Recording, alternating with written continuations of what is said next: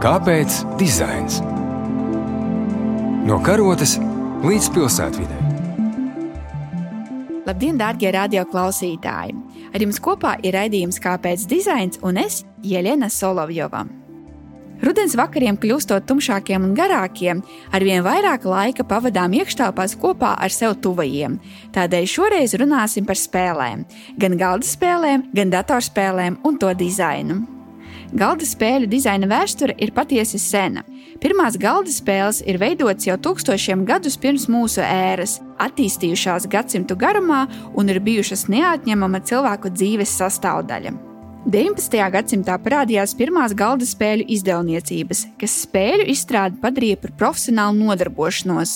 Savukārt 20. gadsimts mums ir sniedzis iespējas spēles spēlēt ne tikai klātienē, bet arī digitāli. Šodien, spēlējot spēles, mēs varam gan patīkami pavadīt brīvo laiku, gan mācīties, gan apgūt specifiskas profesionālās prasmes. Vai esat kādreiz aizdomājušies, kā top spēles un ar ko nodarbojas spēļu dizaineri? To mums šodien izstāstīs mūsu viesi - galda spēļu izdevniecības Brain Games dibinātājs un spēļu veidotājs Egils Grasmanis un datorspēļu dizainers un datorspēļu tehnoloģiju radītājs Mārtiņš Upītis. Es esmu Egils Grasmanis. Esmu uzņēmuma Brain Games īpašnieks un uh, vienlaicīgi arī darbojos tajā komandā, kur uh, izstrādā galda spēles. Mārtiņš Upītis. Es veidoju datorspēles, es veidoju datorspēļu tehnoloģijas, veidoju arī instrumentus, ar ko taisīt datorspēles. Katra spēle jau principā ir tāda maza pasaule. Pasaule ar saviem varoņiem, pasaule ar saviem noteikumiem un pasaule ar savu jēgu. Vai jūs lūdzu varat izstāstīt mūsu klausītājiem, kā vispār notiek spēļu izstrāde? Viss sākās ar spēļu dizaineri, ar viņa sapni, ar viņa ieceri, ar viņa šo pasauli. Un reāli sanāk, ka datorspēļu dizaineris ir tāds kā rakstnieks, mākslinieks un programmētājs vienā. Viņš uzraksta scenāriju, līdzīgi kā tas ir ar filmām, izdomā noteikumus. Nu, droši vien arī viss uzliek uz papīra. Tas ir tas sākums. Man baigi interesanti datorspēlēm, kas nāk pirmais notikums, nu, respektīvi stāsts vai mehānika.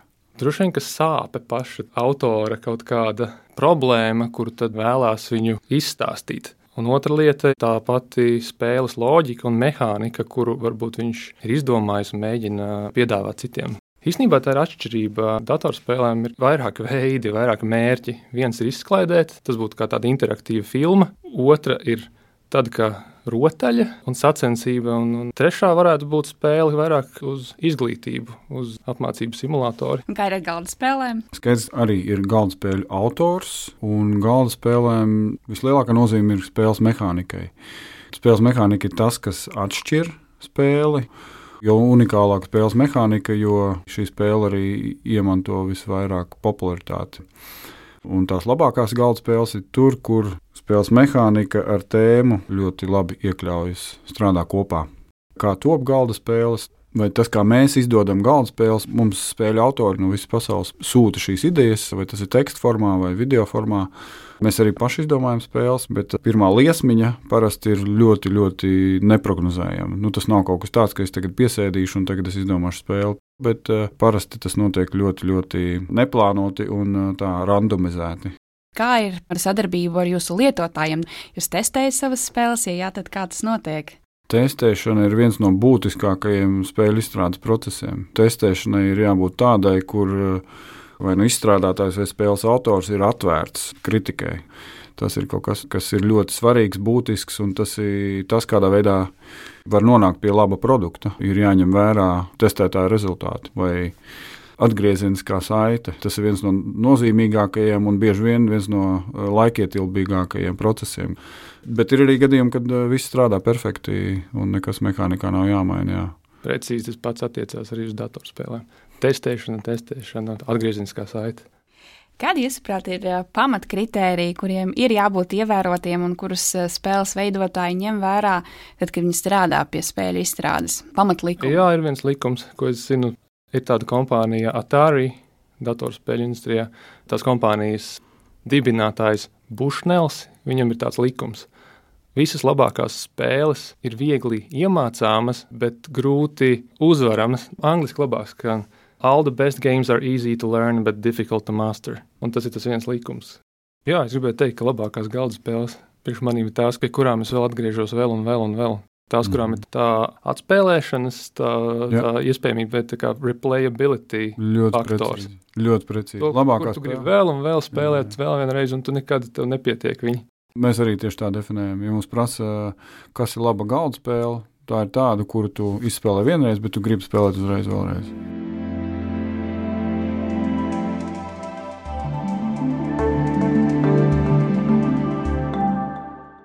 Mazliet vēl par to eh, digitālās spēles izstrādi.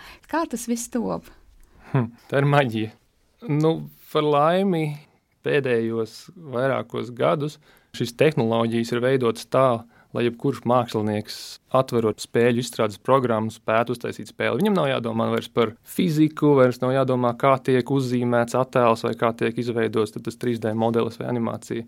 Beidzot, tiek dotas datorspēļu veidotājiem fokusēties vairāk uz to stāstu, spēles mehāniku un neiedziļināties tik lielās tehniskās problēmās. Atbildot uz jautājumu, visam apakšā stāv zinātne, fizika, kā mēs redzam lietas, tad to lietu attēlošanas, tad gaisma, materialitāte, principi, kas to visu ļauj, tālāk uz tiem mūsu mobilām telefoniem vai datoriem šo visu atspēlēt interaktīvā veidā. Nu, tad pats pats svarīgākais ir spēles loģika. Es domāju, tie likumi, kas varbūt galda spēlēs mums uzrakstīti uz papīra, un mēs tos nolasām visiem priekšā, datorspēlēs šie likumi tiek iestrādāti šajā pasaulē. Tad nu, tas ir, cik tālu var aizlekt, cik ātri tu skrieni. Ja tu pieskaries tur, kas notiek ar tevīm, to visu ieliek pats programmētājs. Tad tev kā spēlētājam atliek tikai šiem likumiem tā teikt klausīt. Vai jūs varat abi minēt, eh, jūsuprāt, eh, labāko spēli, vai katrā ziņā spēli, ko jūs vērtējat kā patiešām laba spēļu dizaina paraugu? Es varbūt nebūšu ļoti oriģināls, bet, eh, manuprāt, brīnišķīgs piemērs ir Minecraft. Tā ir spēle. Īstenībā tā pat vairāk ir rotaļlieta. To, ko sauc par smilšu kastes spēli, tā kā sandbox spēle. Tev tiek iedot pasaule, tev tiek iedot likumi. Tu pats izdomā savu stāstu, savu mērķi, un tu to atrisini vai nu viens pats, vai spēlējot kopā ar saviem draugiem. Cilvēki taisa filmas balstoties uz tās spēles. Jā, es arī laikam nebūšu oriģināls. Spēle, kas ir eh, izmainījusi globālā mērogā visu galda spēļu kultūru, un kuras dēļ ir radies mūsu uzņēmums, arī tā ir eh, katana. Tā nav vienkārša, nu, ne tik vienkārši priekš mūsdienām spēle, bet tā ir spēle, kas burtiski pasaules līmenī atvērusi durvis uz galda spēļu pasaulī lielākajai daļai cilvēku. Daudzas nu, primāro galda spēles ir patiešām ļoti senas patiesībā. To vēsturi iesniedzis pat līdz antīkajām kultūrām, nu, kas droši vien liek domāt, ka tāda vēlme spēlēties un vēlme radīt spēles ir ārkārtīgi dabiska cilvēkam. Un varbūt jūs varat komentēt, kā vēstures gaitā ir, varbūt nesenās vēstures drīzāk gaitā ir attīstījušās galda spēles un video spēles. Kas ir mainījies? Skaidrs, ka arī galda spēles mainās līdzi laikam. Mēs dzīvojam laikmetā, kur informācijas plūsmas aprite ir tik strauja, ka cilvēkiem vajag visu ātri, tagad un tūlīt. Un tas, ja mēs runājam par tādu lielāko sabiedrības daļu, tad uh, vispopulārākais ir tiešām spēles, kas ir ļoti vienkārši izspēlējamas un, un salīdzinoši ātri izspēlējamas. Ar vien populārāks pēdējā laikā ir uh, kooperatīvā žanra spēles, kur spēlētāji necīnās savā starpā, bet uh, visi mēģina īstenot kaut kādu mērķi, cīnoties pret spēli vai mēģinot atrisināt kaut kādu uzdevumu. Bērniem ir populāra jebkura spēle, kur vecāks var veltīt laiku un paspēlēt ar bērnu. Jā, datorspēļu joma vairāk seko līdzi tehnoloģijām. 70. gadi tie bija, kad parādījās pirmās tās arkādas spēles, tās tehnoloģijas jau nebija tik izsmalcināts, ka tur varētu pastāstīt stāstu, parādīt visu skaisti. Tas pirmās spēles bija ļoti elementāras, balstītas uz vienu konkrētu spēles mehāniku un bija neuzvaramas tas mērķis, pēc kā visi gāja, bija tas punktu skaita dēlis, ne tā kā high scores. Pēc iespējas ilgāk izturēt, dabūt augstāko punktu skaitu. Tas bija viss spēles eh, mērķis, un to darīja viens pats.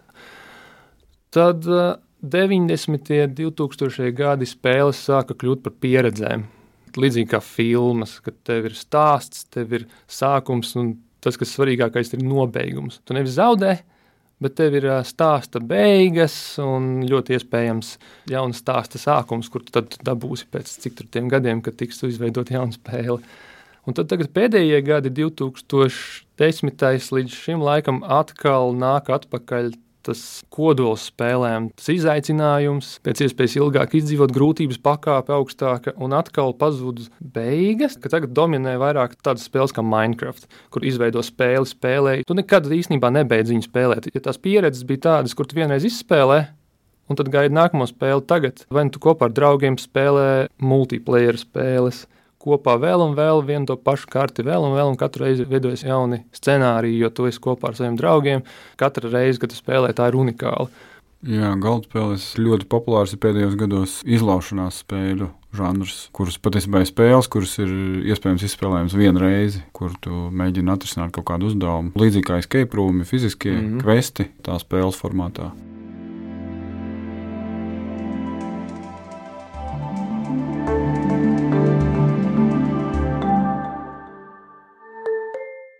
Runājot par inovācijām, un varbūt arī nedaudz ieskatoties nākotnē, kas šobrīd ir aktuālākās inovācijas galda spēļu industrijā un arī datorspēļu jomā. Es redzu procedurālās pasaules tādas, kas tiek veidotas brīdī, kad tu ieslēdz datoru un sāc spēli. Dators tevi atpazīst pēc iepriekšējiem datiem, uzģenerēt konkrēti tev veidot pieredzi, tev izveidot pasauli, unikāla spēle, kura nav atkārtojama. Līdzīgi kā tad ir tie questroomi, escape roomi, tikai to spēli vēl un vēl var atkārtot, un dators tā vietā izveidot to spēli, to izaicinājumu. To dara nevis varbūt vairs datorspēļu dizainers, bet dizainers tikai izveido to sistēmu, kas tevi izklaidē. Jā, tad kā platforma, un tas īstenībā diezgan baisi, ka vienā brīdī mūs izklaidēs algoritmi. Kā ir ar galda spēlēm? Domāju, ka neizbēgami to jau jūtam arī pēdējos gados, ka ar vien vairākām galda spēlēm nāk papildinājumi, elektroniskas formas papildinājumi. Restīvi šī sinerģija patiesībā starp uh, to pasauli uz ekrāna un, galda spēlēm radīsies ar vien vairāk produkti, kuri izmanto šīs abas pasaules. Mm -hmm. Augmentētā realitāte. Arī ar, jā, ar papildināto realitāti. Jā, jā. Jā. Vēl tas pats jau arī īstenībā notiekās datorspēļu jomā, ka ienāk galda spēles. Jā. Datorspēlēs. Mm -hmm. Tu vari izspēlēt galda spēli, bet uh, datorā. Jā, jā. Un tagad it sevišķi, manuprāt, tas ir aktuāli dēļ visiem ierobežojumiem. Tu vairs tā galda spēles mm. tādu pavisam blakām nevari ar saviem draugiem spēlēt, nu, vai vismaz maskās tas jādara. Tad tagad tas multiplayer, internets, virtuālā realitāte, tas jau tagad jāiet visu to pusi. Ja mēs runājam par tīri fiziskajām galda spēlēm, tad uh, arvien vairāk uh, spēles arī iziet no klasiskā rāmja, ko nozīmē galda spēles. Nu, sen jau galda spēles tikai metamajiem kauņiem.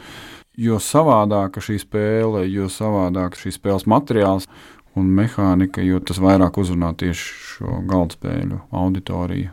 Tas bija ļoti labi, ko tu pieminēji. Tas man arī atcaucas atmiņā spēles, kas vairs gluži nav vairs spēles. Tas ir vairāk eh, kā mākslas darbs, kā mm. kaut kas tāds. Eh, Piedzīvot. Jā, īstenībā tagad tiešām saplūst žanri kopā, un datorspēles vairs gluži nav spēles. Ļoti bieži viņas ir kā audio-vizuāls mākslas darbs, pieredze, kur varbūt tā spēles mehānika šad tad ir sekundāra un vairāk dod tādas sajūtas, kaut kas balstīts uz meditāciju, dzēju, jā, mākslas darbs.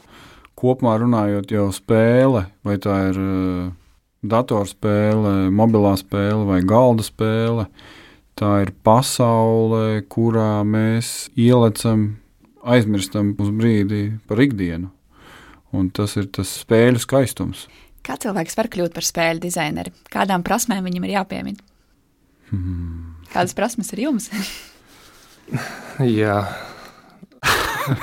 Neteiksim.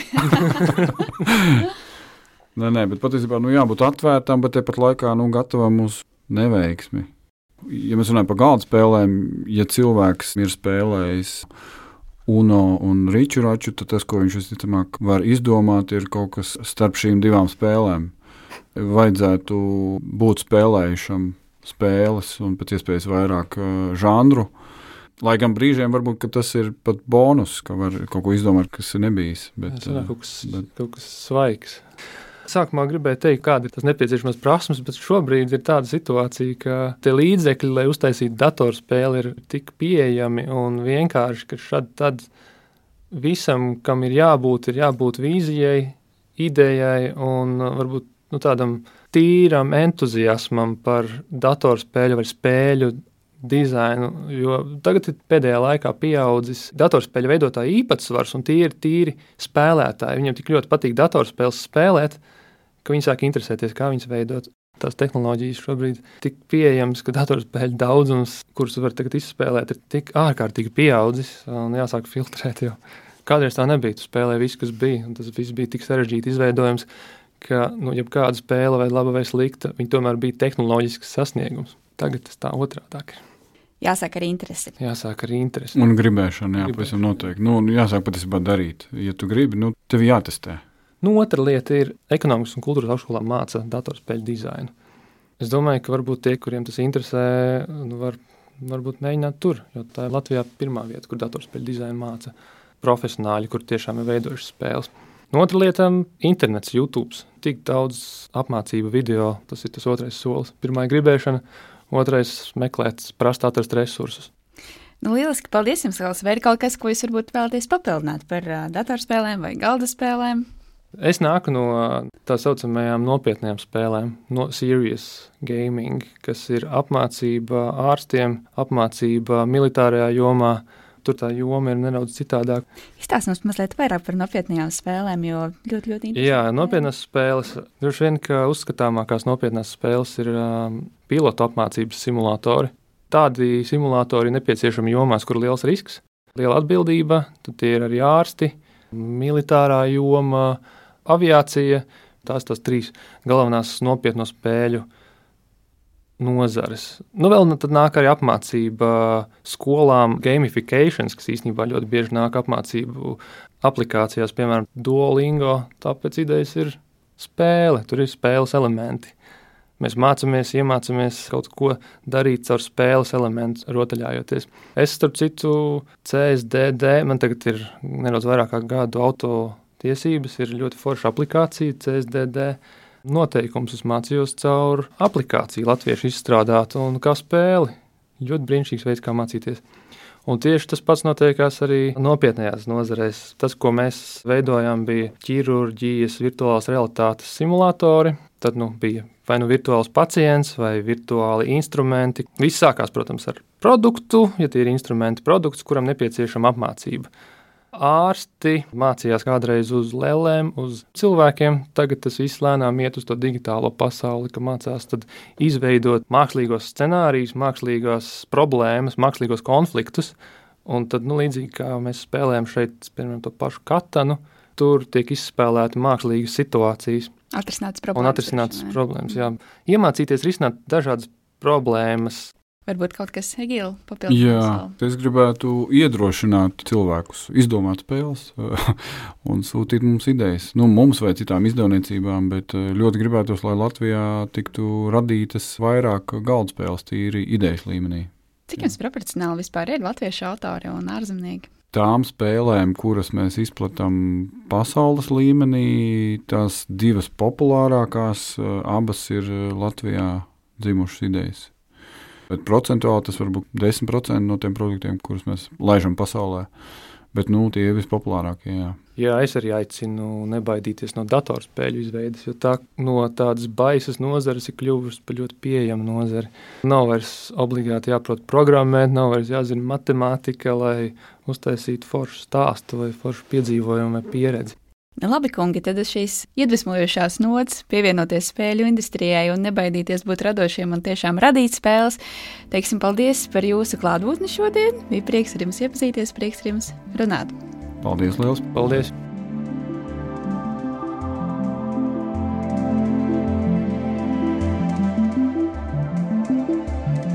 Kāpēc dizains? No karotes līdz pilsētvidē. Pirmdien, 9.5 ar atkārtojumu sestdien 18.18. 18.